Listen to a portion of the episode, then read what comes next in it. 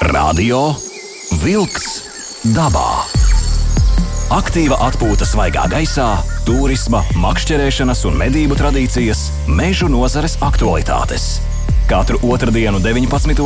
ar atkārtojumu sestdienās, 7. no rīta. Radio Wolks dabā. Esiet sveicināti radio klausītāji Latvijas radio divu studijā Sandris Jūra. DJs Aivis pie pogām un telefona pogām. Šodien daudz zvanīsim. Jā, būs ļoti interesants raidījums, bet par ko būs raidījums, nu, to mēs varbūt Tūlītās. ieskicēsim. Jā. Jā, tūlīt ieskicēsim. Šis raidījums būs savā ziņā kaut kur atsauksme uz mūsu iepriekšējo raidījumu, kurā mēs runājām par tiem suņiem, kaķiem, kas dodas uz Latviju no Ukrainas lai paglābtos no šī kara trakā. Un runāsim mēs ar pārtiks veterinārā dienesta pārstāvi par šiem noteikumiem, kas būtu jāzina ikvienam cilvēkam, kas vēlas ņemt sunīti kaķīti no Ukrainas.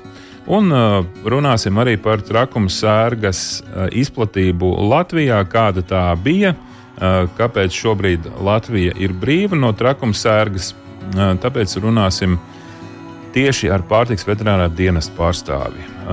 Tad raidījuma noslēgumā mēs runāsim ar jau reālu cilvēku, pie kura ir sunīts no Ukrainas. Un tad viņš mums izstāstīs šo savu reālo stāstu un savu reālo pieredzi.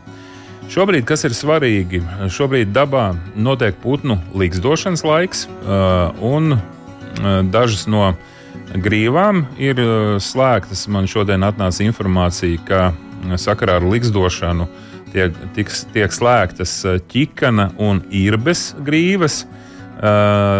Un es domāju, ka ne tikai arī, mm, arī mežā mm, teiksim, tā, notiek putnu likstošana. Tā kā jābūt ir, nu, nu, tādiem saudzīgākiem, jā, jāņem vērā to, ka putni šobrīd liksto. Veidot savu nākamo paudzi. Un, tā, tā, tā, tā, nu, tas nenozīmē, ka nedrīkst iet mežā.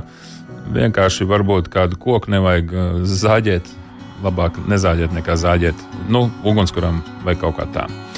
Uh, lūk, bet uh, atnāca arī ļoti svaiga ziņa par tēmu, ko mēs arī iepriekš raidījumā runājām par bēdīgi slaveno lāci, mazo jauno lāci. Uh, Un, jā, ziņas ir.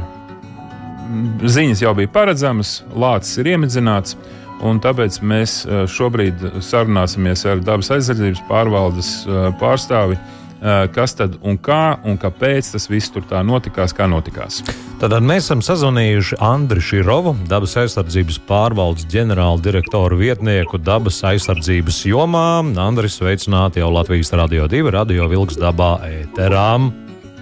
Jā, Andri, tā tad, tā tad retrospekcija ir tāda, ka lācis pamodās no ziemas guļas, miega, sāka meklēt ēdamo un nonāca uz vienas no šosejām, vidzemē, un kur cilvēki aktīvi eh, mēģināja pēc savas izpratnes viņam palīdzēt, eh, bildējās ar viņu, piebaroja dažādiem, eh, pēc savas izpratnes, dažādiem veidiem.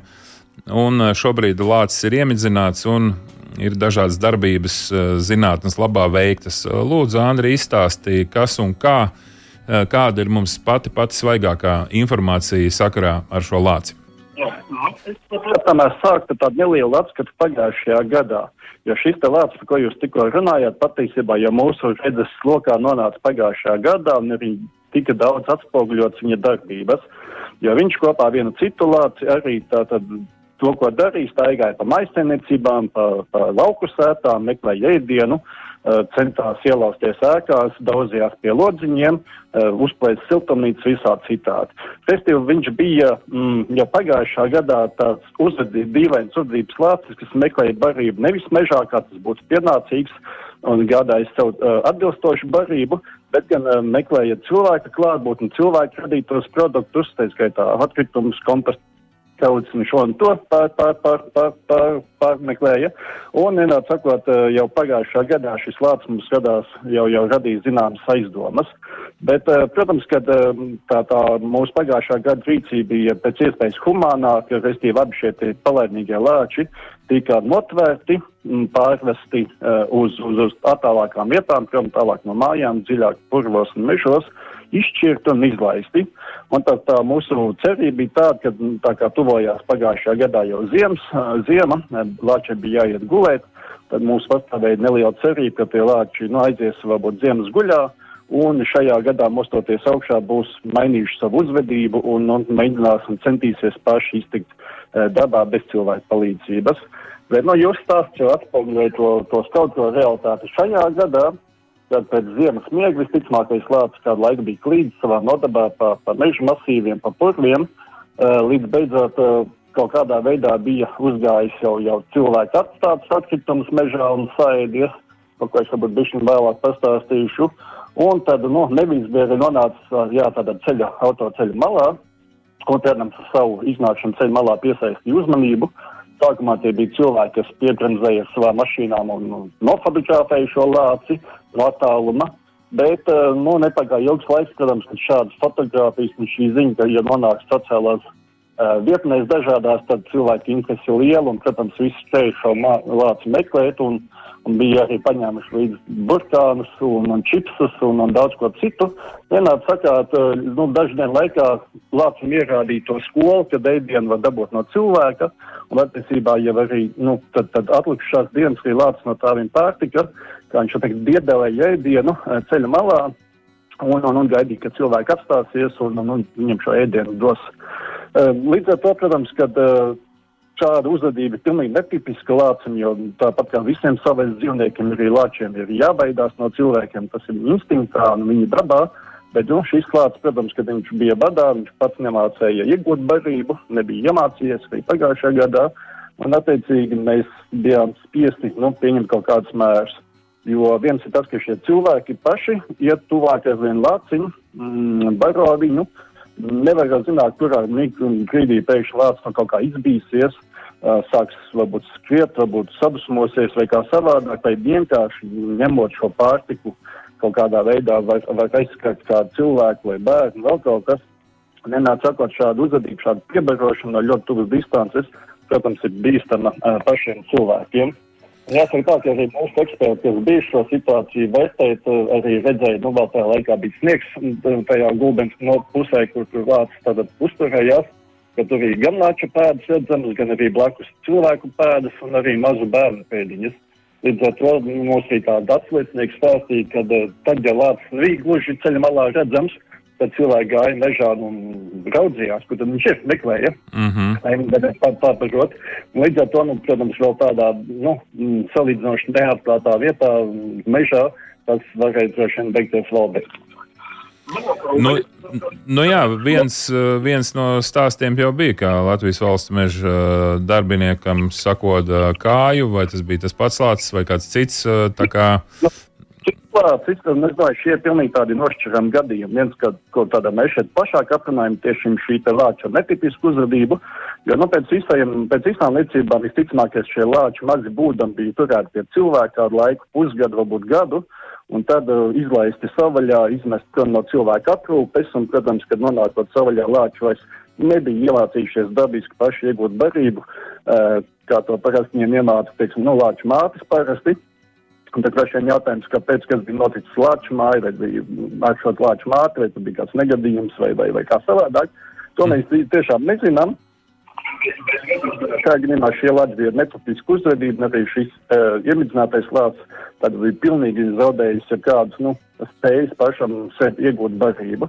Tas, kas bija Latvijas valsts meža gadījums, tur visticamākais tomēr bija tāda, zinām, neuzmanība, varbūt arī no šī meža strādnieku puses. Jo nu, visticamākais, ka tur bija tiešām lāču māma, nu, šajā gadījumā adekvāta uzvedība, uh, sagājot savu bērnu. Es pieļauju, ka tas bija kaut kāds izbrīna, izbrīna moments abām pusēm, gan uh, šim Latvijas valsts meža darbiniekam, gan arī šai lāču mammai, kas ar savu mazo visticamākais tur bija. Un tad, protams, nu, tā ir dabiska lāča reakcija. Nedaudz, nu, parasti ne, neplūst virsū, lai saplosītu cilvēku, bet, nu, protams, aizbiedētu. Jā. Arī šajā gadījumā, nu, tas tā beidzās salīdzinoši varbūt viegli, ka tiešām, nu, šis darbinieks tika aizbiedēts un viņš aizmuka, un, un protams, nu, bija nelielas traumas, bet, nu, nebija tā, ka, protams, lācis bija netiesāts par nodomu cilvēku. Uh, cik es saprotu, ir, uh, ir veikts arī tālākais uh, darbs ar lāci un uh, paskatīts, kas tad, kā saka, lācītim vēderā. Uh, un kas tad atklājās, kāda aina atklājās, kas tika lietots, ko lietoja lācis uzturā un ar ko tas tāpatās būtu beidzies? Kad šis te lācis, lai, lai viņu neutralizētu un pasargātu cilvēkus no šīs te uzvedības, gan lācis dažot, gan lai lācis nevienu neapdraud, tad mēs tik pieņemts lēmums šo lāci tādā diemidzināt, eitanazēt, un atvien arī tika veikta lāču šī sekcija, un arī tur sekcijas rezultātā mēs atklājām nu, ļoti nepatīkamu ainu, kad lāču kuņģi bija sastopams nevis tas, no kā viņiem bija jāpārtiek, normāli augu, daudz, teiksim, dažādi tur augu vēl kaut kas, kā jau parasti tam būtu jābūt, bet uh, plasmas maisiņi, izsmēķi, vēl čaumalas, strica gabals un, un citas sadzīves preces, un visticamākais lācis bija sīvojis kādu laiku pa mežu, visticamākais, ka bija uzgājis kādus atkritumus, varbūt izgāzt atkritumus, varbūt kā tiešām kompostu kaudzi vai kādu atkritumu urnu. Uh, ceļa malā, pieturā vai, vai, vai nu, kādā atpūtas vietā mežā. Un kā nu mācējis, nu, to, to arī ēdas, ka šis smaržojums bija labi un, un, un bez jebkādas, nu, sajēgas vienkārši apēdas visu to, ko mēs ātri atradām. Un, protams, ceļš tādi plasmas maisi, jo dabā nesadalās ātri un ļoti ilgi sadalās, protams, tādā kuģī tur ir pilnīgi citi apstākļi un, un, un šis jau, jau plasmas, mm, viss šeit atkritumi medrā jau bija iesaistījuši iekaisumus. Nu, kā vetās gan kuģi čūla, gan, gan ļotādi ieskaisumi. Un ļoti iespējams, arī, ka šīs te mm, plasmasas maisa, kas ir tāds, tāds lielākais atkritums vienā gabalā, ja tā varētu teikt, jau vai te bija noskrostojis šo zarnu traktu, un līdz ar to mm, visticamākais lācim jau bija kaut kādas sāpes, un, un, un, un tas arī patiesībā varēja izraisīt kaut kādu vēl papildus neadekvātu uzvedību cilvēku klātbūtnē.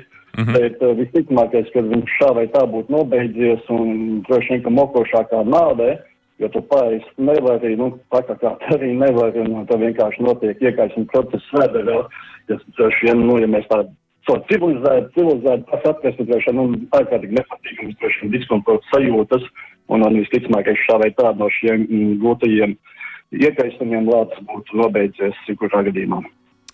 Jā, nu tā tad uh, izdarām secinājumu uh, te, no šī stāsta. Uh, vēlreiz liekam aiz auss, ka mm, uh, dzīvnieki, savvaļas dzīvnieki dzīvo savvaļā un uh, pārtiek no tā, kas tur ir atrodams. Mēs cilvēki ejam savvaļā pēc sēnēm, ogām un baudīt uh, un smelties spēku dabā uh, un nebarot meža dzīvniekus. Uh, ejam pēc pārtikas uz veikalu, gatavojam uz savām smalkajām plītīm un traukiem eh, un baudam cilvēkveidīgo dzīvi un atļaujam dzīvniekiem mm, dzīvot viņiem savu dzīvi.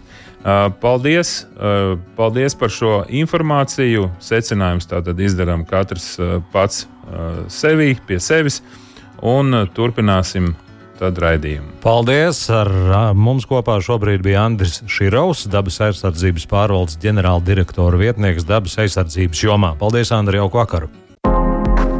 Radio Vilks dabā! Aiziet dabā! Aiziet dabā, un šobrīd raidījumā esam sazvanījušies ar pārtiks un veterinārā dienesta veterinārās uzraudzības departamenta direktoras vietnieku Edvīnu Oļševski. Edvīna, sveicināti radio eterā. Labvakar! Labs vakariņš, Edvīna! Tātad suņi un kaķi no kara skartās Ukrainas pārtiks veterinārais dienests ir tas, kurš, nu, teiksim tā, nosaka šo veterināro kārtību, uh, kas un kā notiks ar, ar suņiem un kaķiem. Izstāsti lūdzu šo, te, šo te stāstu, šo te aktuālo stāstu. Uh, visiem mums cilvēkiem, kuri grib uh, palīdzēt uh, Ukrainai. Un, uh, ja nevar cilvēkus ņemt pie sevis, tad palīdz ar to, ka ņem ģimenē tā teikt suni vai kaķi.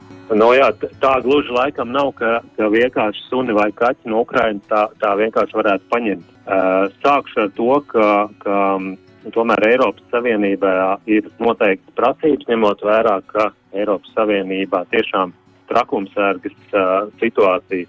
Šī situācija vispār ir ļoti labvēlīga, uh, nu, pateicoties, protams, apkarošanas pasākumiem, un līdz ar to šīs prasības uh, iebraukt ar dzīvniekiem, ievest dzīvniekus Eiropas Savienībā kopumā ir nu, tādas stingri regulēts un būtībā nosaukšu, kam tad vispār būtu jābūt, lai ar dzīvnieku iebrauktu. Nu, tam, tam nav nozīmes, vai tas ir uh, komerciāls pārvadājums vai, teiksim, cilvēks brauktu ar, nu, kaut vai ceļot pa, pa Eiropu no, no kādas trešās valsts. Un tad, attiecīgi, tam dzīvniekam ir jābūt uh, mikročipam, nu, saucam, nu, apzīmētam, viņam ir jābūt vakcinētam pret trakumsērgu, uh, jābūt arī veiktam testam, uh, tātad asins ir jāpārbauda, teiksim, asins analīze, uh, kas apstiprinātu, ka pēc šīs trakumsargas vakcinācijas ir izveidojušās pietiekamā skaitā antivielas. Tad tas nozīmē, ka dzīvniekam ir pilnīgi iestājusies imunitāte. Un jābūt arī veselības certifikātam. Tad būtībā šīs, šie četri punkti ir tie, kā normālā kārtībā no, no nu, teiksim, ārpus Eiropas, Eiropā varētu ieceļot. Eiropas uh, Savienībā ir savi iekšējās uh, ceļošanas noteikumi. Uh, tā, tā ir bijusi cita lieta, jā, jā, jo šīs prasības jau tad ir attiecīgi atvieglotas iekšienē ceļojot. Mm -hmm. Bet, nu, Bet, tātad... nu, lai no āras tiktu iekšā, tad ir šie nosacījumi. Uh, derīguma termiņš šiem te mm, potēšanas certifikātam, asins analīzēm, cik viņš ir garš?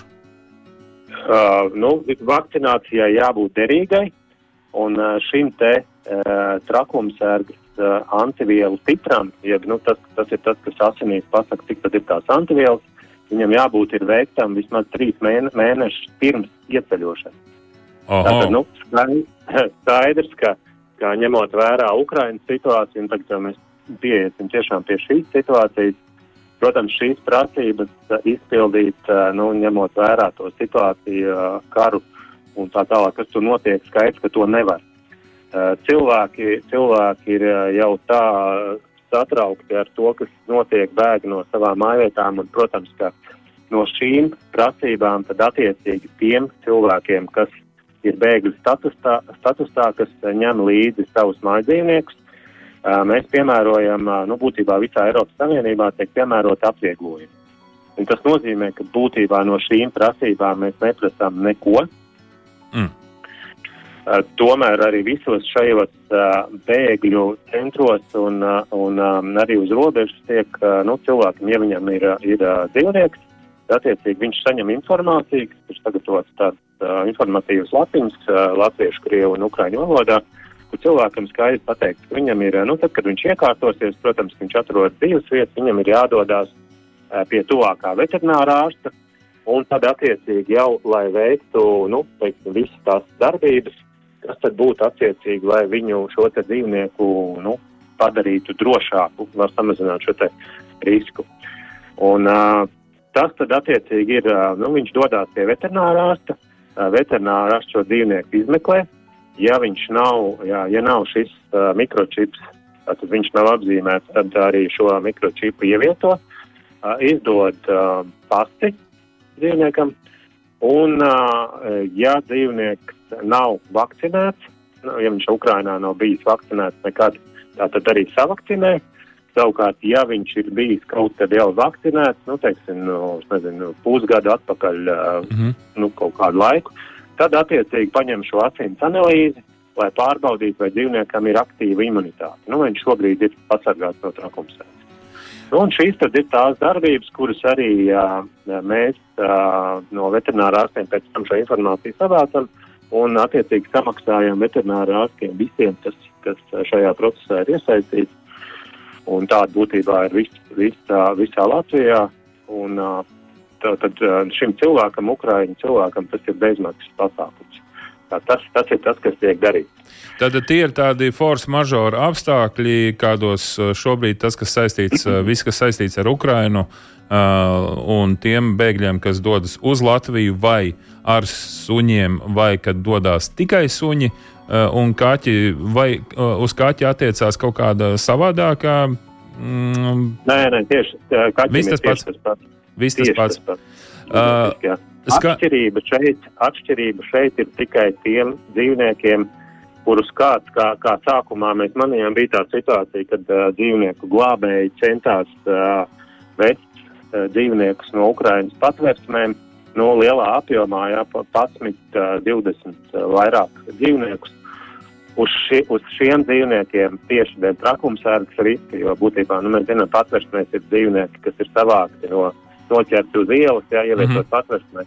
Un šo dzīvnieku status nu, attiecībā tieši uz trakumsvērgu ir trakumsvērgas risku ir daudz, daudz augstāk. Tāpēc šādu dzīvnieku ieviešana Eiropas Savienībā var notikt, bet tikai tad viņiem attiecīgi ir jāizpilda visi šie te nosacījumi, ko es sākumā minēju. Tātad viņiem ir apzīmēti, vakcinēti, šī trakumsvērgas analīze un arī certifikāti.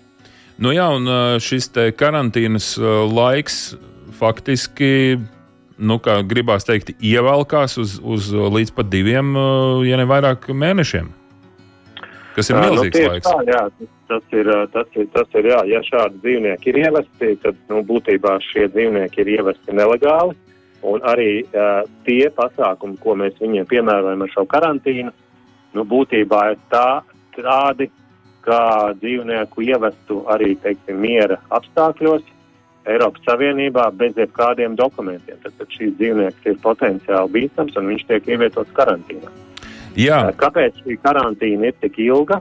Tāpēc, ka sākotnēji dzīvnieks ir jānovēro tīri dēļ tā, ka trakumsvēgai ir tiešām garš inkubācijas periods un dzīvnieks jau var būt inficēts bet viņš vēl neparāda pazīmes. Tātad šis te novērošanas kar laiks karantīnā ir vajadzīgs tāpēc, ja šī slimība sāk attīstīties, lai tad dzīvnieks būtu izolēts un viņš neapdraudētu citus. Mm. Un tāpat laikā mēs zinām, ka nu, viņam, viņam, uh, viņš ir bijis slims un rekur viņam parādās pazīmes. Ja tās pazīmes neparādās karantinēšanas laikā, viņu vakcinē, tad atkal, protams, ir 21 diena, kad, kas paredzēta, lai izveidotos pamat imunitātes ar trakumsēru, un pēc tam jau šis dzīvnieks ir, ir drošs. Meža ziņas! Bērzu sulu ieguvēji Latvijas valsts mežos ikvienam iedzīvotājam ir atļauts bez maksas izdarīt vienu urbumu, taču, ja sulas plānots iegūt lielākos apmēros vai privātajos mežos, tas ir jāsaskaņo ar meža īpašnieku. Ieteicams urbt kokos, kas tuvākajā laikā paredzēti nozāģēšanai, jo šādā gadījumā par nodarīto kaitējumu jāuztraucas mazāk. Tāpat tiek rekomendēts izmantot urbi, kuru diametrs ir 7 līdz 8 mm. Ņemot vērā, ka sulu pārvietošanās notiek pa koksnes slāni aplievu, kas atrodas zem mizas. Kokā ar gludu mizu urbums jāveic dziļumā līdz 5 cm, bet, ja miza ir grubuļaina, līdz 8 cm. Atļauts urbt kokā ne augstāk par 50 cm no zemes, un koka diametram urpšanas vietā jābūt lielākam par 40 cm. Nākamajā gadā urpšanai ieteicams izvēlēties to pašu koku. Aizvien biežāk sulu tecināšanai aicina izmantot nelielas plastikāta tapas, kuras var iegādāties saimniecības preču veikalos. Tās var blīvi iedzīt urbumā, koks stumbrs paliek sauss un pats skudrs nepamana sulu tecināšanu. Ja ir veikts maza izmēra urbums, tad tiek pieļauts, ka koks pats brūcē izaudzēs, taču, ja izmantots senais paņēmiens ar urbja diametru virs 30 mm, tad gan būtu vēlams aiztaisīt urbumu ar atbilstošu izmēru bērnu koku tapu, lai samazinātu sēņu infekcijas risku. Tās bija meža ziņas. Radio Wolks dabā. Aiziet dabā! Aiziet, un turpinām mēs runāt par šiem dzīvniekiem, nu, kuri arī sajūt karu. Jā, Jāsaka kā, tā. Kāda tur īsti ir? Jo ir privātā iniciatīva, ka cilvēks var braukt tad, līdz Ukrainai vai līdz robežai, un uh, ir jau tur kaut kā organizēti viss notiek, un tad ir tāda masveidīga šī vešana uh, uz, uz patversmēm. Jau es saprotu, tātad div, divas pamatsituācijas. Uh, nu jā, nu, pamat, pa, būtībā pamat plūsma, kas notiek uh, uz Latviju, ir uh, tiešām, kur dzīvnieki uh, ir kopā ar, ar uh, bēgļiem, ar cilvēkiem, ar saviem īpašniekiem no, no Ukrainas, un šobrīd tādi ir jau 400, gandrīz 50 dzīvnieki ievesti, uh, apmēram 70% ir suņi, un attiecīgi 30 tad ir kaķi. Tie, kas ir uh, uz patvērsmēm vērsti, tie ir tikai uh, atsevišķi gadījumi, kas bija pašā, pašā sākumā, pirmajās nedēļās, un šie dzīvnieki tad ir uh, šobrīd uh, iztur karantīnu. Tā, tādi ir 40 uh, suņi. Un uh, 25 kaķi, kas, kas šobrīd atrodas karantīnā. Bet ir uh, nu, šī dinamika ir augoša, vai, vai tomēr ir nobremzējusies šī plūsma? Uh, Pēdējās, pēdējā laikā, tagad, nu, būtībā pagājušās nedēļas beigās, šonadēļ varbūt, kad ir mazāk, bet, nu, tā vidēji apmēram 30 dzīvnieki dienā tie ir. Mm -hmm. Un šie, šī informācija ir tā, kuru mēs saņemam no veterinārā ārstiem, kur jau šie uh, cilvēki ar savu, saviem dzīvniekiem ir, ir uh, griezušies un veikuši visus šos pasākumus, gan vakcināciju, gan apzīmēšanu. Uh, kas ir, uh, kas būtu ļoti svarīgi pateikt uh, klausītājiem, tie, kuri kaut kādā veidā grib palīdzēt? Ko var darīt, kur var zvanīt, kur var interesēties un kā nepieļaut kļūdas, lai nebūtu šis milzīgie laiki jāpatērē karantīnās, kaut kur sēdēt, varbūt ka var mājās šī karantīna notikt. Uh, pastāstiet. No nu jā, par, par karantīnu es vēlreiz atgādinu, ka mēs tikai runājam par tiem dzīvniekiem, kas šobrīd ir nelegāli ievesti. Jā. Tātad cilvēkiem pats svarīgākais ir nu, neuzņemties bez tādas, teiksim, nu, varbūt labu domu vadītiem neuzņemties vienkārši šādu dzīvnieku ņemt uzreiz mājās, nezinot par viņu neko, ar labu sajūtu, it kā nu, tā sajūta varbūt rodās, ka, ka, ka palīdzam cilvēkiem un, un, un dzīvnieciņam, bet šeit ir tiešām atkal es gribu uzsvērt to milzīgo trakumsērgas risku, kas, kas ir uh, Ukrainā, Tikai pēdējo divu gadu laikā vien tur ir uh, gandrīz uh, 1700 trakumsargas gadījumu reģistrēti, un viņi ir pa visu valsti, mm -hmm. tas nozīmē, ka, ka tiešām tas risks ir liels.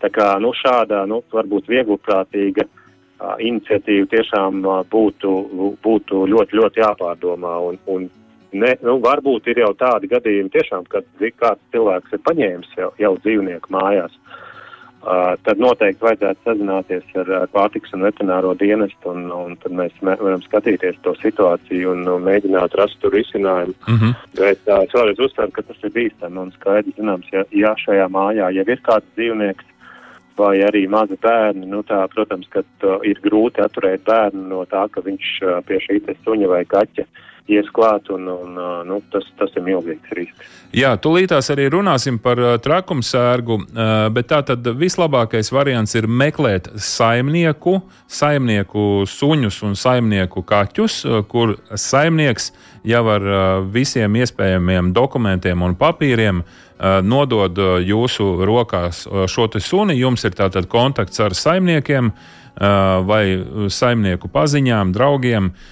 Un tā tad jābūt šim saiknei, cik es saprotu, vislabākais variants, kad ir šī saikne ar suņa vai kaķa saimnieku. Jā, nu cilvēki jau parasti mums, mums īstenībā tādi gadījumi nav bijuši, kad atved, atved kad dzīvnieks atbrauc viens pats. Mm -hmm. Jo parasti, kā jau minēju, viņi ir kopā, kopā ar uh, savu saimnieku, un tad tiek piemērot šīs atvieglotās prasības. Skaidrs. Un, Uh, tā tad šis trakais vārds trakumsērga. Izstāsti lūdzu tādu īsu konspektīvu stāstu, kāpēc trakumsērga ir tik bīstama un cik ilgi Latvija ar to cīnījās. Jā, trakumsērga ir bīstama to, ka viņi ir būtībā slimība, ar kuru slimo gan dzīvnieki, gan cilvēki. Tā tad, nu, zinātniskā vārdā tā ir zoonoze. Uh, Uh, otra lieta, šī slimība nav ārstējama, viņa ir navējoša. Tātad, ja cilvēks vai dzīvnieks ir saslimis, uh, un, un ir parādījušās jau šīs pazīmes. Būtībā tur vairs neko nevar darīt. Tur ir tikai viens uh, virziens, un uh, tas ir uz viņa saules. Tas, tas ir tas pats bīstamākais. Um, tad, baga, baga, tad, tad ir jāpaskaidro, kādā veidā uh, var cilvēks uh, tikt pie trakumsērgas. Uh, jā. Kāds kontakts Tātad, vajadzīgs? Jā, ir vajadzīgs, vajadzīgs parasti šī slimība tiek nodota ar kodienu, ar brūci. Tad ir vajadzīga brūce, kurā no, no uh, inficēta dzīvnieka nonāk ciekals, un ciekalā ir šis uh, bīstamais vīrus. Tā brūce var būt arī neliela, tas ir varbūt skrāpējums, citreiz kaķis ieskrāpē. Tas var, jā, jā, tieši tā, tas var būt arī skrāpējums.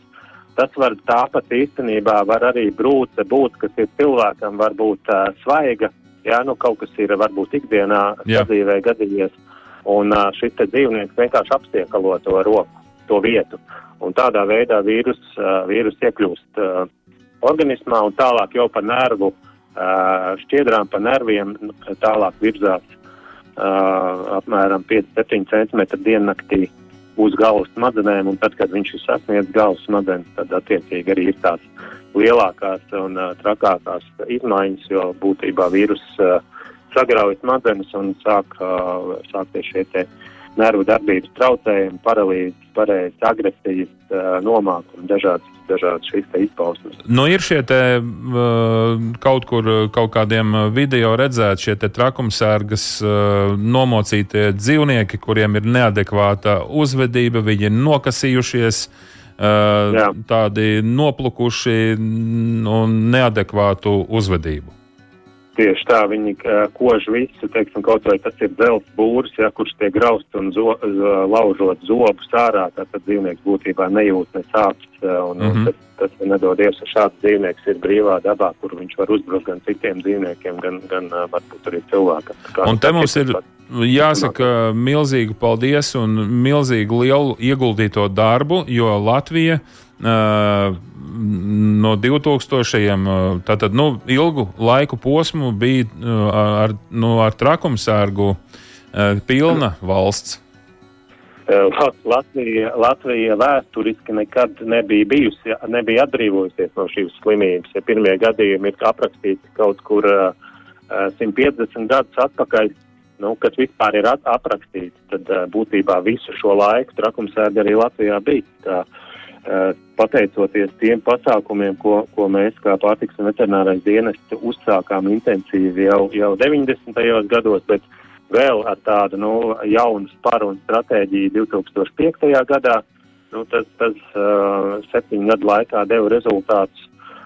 Un, un kopš 2014. gada Latvija ir uh, brīva no un uh, jāuzsver, ka tas maksā ļoti dārgi. Tie ir vairāki miljoni eiro gadā. Uh, Eh, ko maksā šāda šā, šī programma, kas balstās uz uh, savvaļas dzīvnieku labs un ienacuņu vakcināciju. Kāpēc savvaļas dzīvnieki? Tāpēc, ka viņi ir šo, šī te vīrusa rezervāra dabā. Mm -hmm. Tātad, uh, nu, Lapsas un jenot, jenuti, ja? Jenotsuņi. Jā, jenotsuņi ir galvenie pārnēsētāji. Tātad. Jā, jā. Tātad uh, Latvijā citās valstīs tie ir suņi, klaiņojošie suņi, bezsaimnieki suņi, kas dzīvo, teiksim, tā, un tad, protams, tie biežākie gadījumi ir, kad, teiksim, Āzijā, Āfrikā, kur, kur bērni satiekās ar šiem dzīvniekiem vai, vai turisti un tiek sakosti, un, un tas ir tas galvenais, teiksim, rezervārs atšķirībā no, no, no mūsu platuma grādiem. Nu jā, tātad šeit ir jāsaprot, kāda ir šī cena. Ja mēs ar šiem te atvestajiem suņiem nedod Dievs, ievazājam atkal kaut kādā rajonā, kaut kādā maisaimniecībā, trakumsērga. Tā kā lieta ir ļoti nopietna, jāizturās pret to ir nopietni. Un mūsu pašu, tā teikt, Latvijas drošība pret trakumsērgu ir ļoti svarīga lieta, tāpēc jāievēro visi šie noteikumi, ko paredz pārtiks veterinārais dienests. Tieši tā, tieši tā. Paldies! paldies. Paldies, sakām, pārtiks veterinārā dienesta veterinārās uzraudzības departamenta direktoras vietniekam Edvīnam Moļševskim. Paldies par sarunu. Paldies! Paldies. Radio Vilks dabā. Aiziet dabā! Aiziet, nu dodamies mēs šobrīd pie mūsu nākamā studijas viesa attālināti, bet tas gan ir tas ir um, Ukrainas sunīšu saimnieks Gins, ar kur mēs esam sazinājušies. Jā, Gint, sveiks, labvakar, Radio Vilks dabā uh, raidījumā. Sveiks. Uh, Tātad, jā, mums, jā, apusēji laiks mums ir maz atlicis, tāpēc ļoti konkrēti. Tu esi viens no tiem cilvēkiem, kas izrāda šādā veidā savu iniciatīvu, cilvēkus, bēgļus uzņemt pie sevis. Tu nevari, tu vari uh, paņemt suni, izstāstīt īsumā savu stāstu. Tieši tā, jā, būtu labprāt uzņēmis bēgļus, bet nav tāda iespēja. Uh, bet uh, mums patiesībā jau kādu laiku bija doma par otru suni, bet uh, nekad netika. Mūsu pirmais suns arī atnāca pie sevis ar savu stāstu, kur vienkārši notikumus sakrita un viņš palika pie mums. Un tad radās šī iespēja adaptēt suni no Ukrainas, kur uh, brīvprātīgie cilvēki organizē šo, šiem suņiem mājas meklē, jaunu māju meklēšanu. Un uh, tad šī informācija nonāca līdz manim, kas uh, arī savā ziņā uzrunāja, tik līdz ieraudzīja bildes par suni un sapratu, ka šis sunis ir gan vakcinēts, gan viņam ir bijis saimnieks, kurš ir par viņu rūpējies, bet, diemžēl, kara situācijas dēļ viņš nav spējis viņu uh, ņemt līdzi trimdā. Tad arī uh, apspriedāmies ģimenē un nolēmām to, ka vēlētos uh, vismaz kādam palīdzēt šajā trakajā situācijā, lai uzlabotu mazliet dzīvi. Uh, vai tu saskāries, kāds ir šis birokrātiskais? Tu saki, ka sun, sunim bija saimnieks, tātad visi papīri bija kārtībā. Uh, ja mūs klausās kāds, kāda ģimene, kuri arī grib iet šādu ceļu, uh, ņemt kādu suni vai kaķi um, savā pulkā, tad eh, ko tu vari kā izgājis šo ceļu no pieredzes pateikt, eh, kas būtu jāņem vērā? Varbūt tu kaut kur kļūdījies, varbūt nekļūdījies. Kā tu iesaki rīkoties? Noteikti sākotnēji apskatīties PVD mājaslapu, kur ir ļoti skaidri viss ir aprakstīts, bet, ja ir jautājumi, ar viņiem var noteikti arī sazvanīties. Mūsu stāsts bija tāds, ka uh, mēs to arī pirms tam izdarījām, aizbraucām pēc sunīšu uz Ukrainas robežu, atbraucām atpakaļ un taisnā ceļā devāmies pie vetārsta, kurš arī paskaidroja visu ceļu un uh, uh, būtībā procesu, kā viņš ir jāieved mūsu sabiedrībā. Uh -huh. uh, līdz ar to tur ir liela atsaucība gan no cilvēkiem, bet uh, tas varbūt, ko es vēlētos brīdināt, ka uh, nu, suņi, kas ir uh, kara situācijā bijuši, viņi ir redzējuši gan tankus, gan uh, varbūt ir dažs labs piedalījies kādā apšaudē, tad uh, tas nebūs suns, kas ir dzīvojis mājā un ir ar labām manierēm. Tur noteikti būs kādas uh, lietas, ar kurām būs jāstrādā un jāaudzina mazliet uh, un jānomierina uz to vajadzētu arī gatavoties. Vai tu vari atklāt, kas tā ir par šķirni? Šķirne Dobermans. Aha. Uh, Dobermans un vecums kāds? Divi pusgadi. Uh, nu tā tad jau pieaudzis kārtīgs puika vai meitene? Puika. Uh mhm. -huh. Bet nu, viņš jau ir pēc sterilizācijas. Kā, ah. uh, jā. Uh mhm. -huh.